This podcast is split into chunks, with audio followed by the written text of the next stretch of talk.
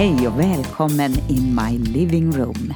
Här sitter jag i mitt eh, lilla kontor, mitt li lilla arbetsrum och spelar in en ny text till dig. Jag heter Eleonora Lahti och den text jag har idag den heter Att våga förlora. Ja, eh, en del människor brukar vi ju säga är tävlingsmänniskor. Man ska tävla om allt, allt, allt. Och ja, jag måste säga, då det gäller spel och eh, olika idrotter och allt sånt där, nej, nej, det, det är inte så noga. det låter kanske lustigt, men där är jag verkligen ingen tävlingsmänniska. Jag vet inte hur det är med dig, men eh, det är väl bra att den kategorin finns också. Annars var det väldigt mycket som blev ogjort här i livet. Men hur som helst, välkommen! Det säger jag, Eleonora Lahti, in my living room.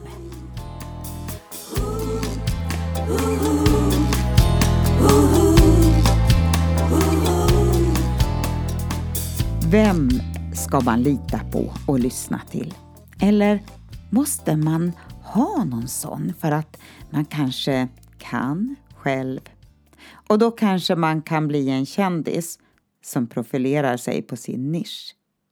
Du vet, de som är så bra på högt som lågt, smalt som brett, bara man får synas och höras. Ja, någon sorts karriär. Ja, så illa kanske det inte alltid är, men fanns det förr i tiden så finns det nu. Det går åt många håll, både här hemma i Sverige och ut över världen. I enskilda sammanhang, bland heliga allianser som växer fram och i samarbeten av interreligiösa initiativ.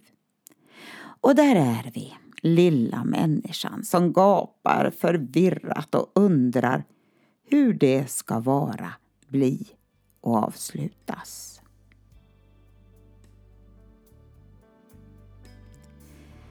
Ni ska lyda och följa vad de säger, men akta er noga för att följa deras exempel.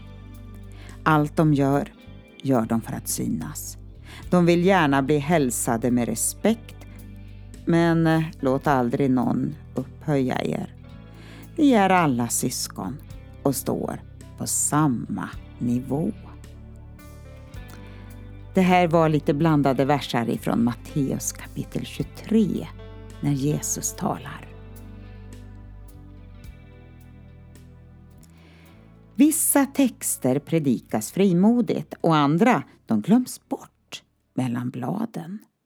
Jesus talar även om andra situationer som kan dyka upp. Och det borde motivera var och en att själv läsa allt Guds ord och inte bara lyssna till andra.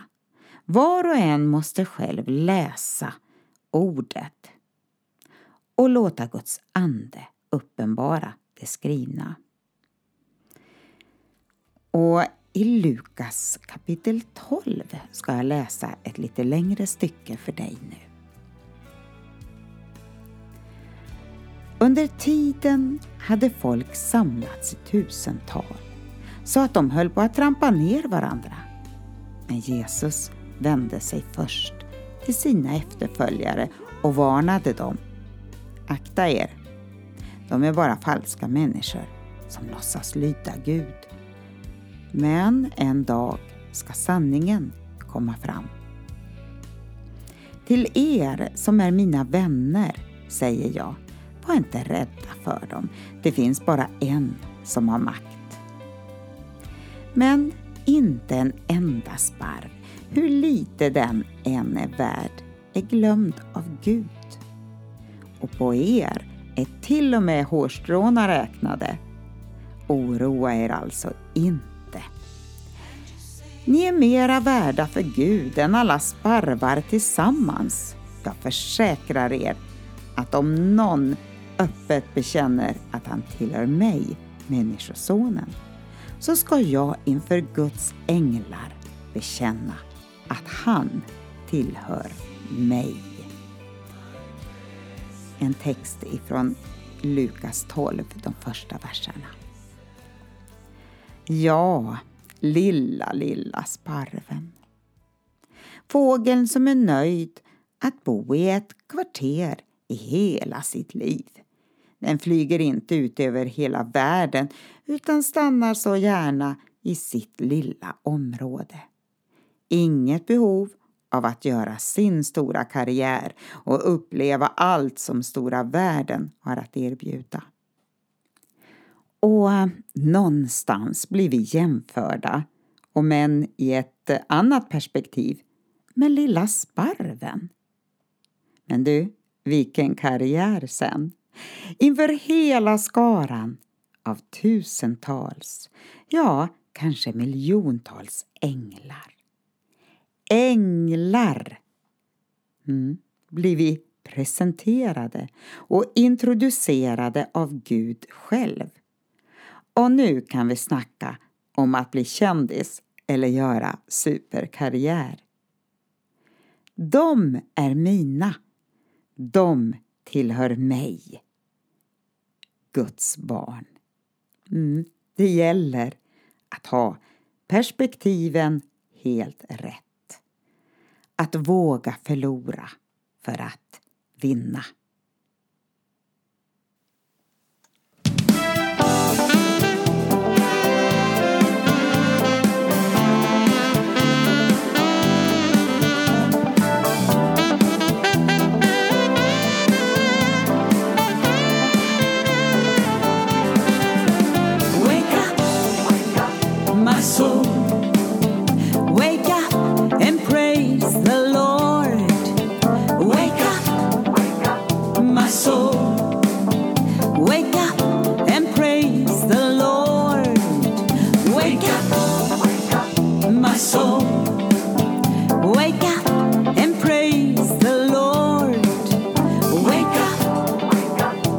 soul.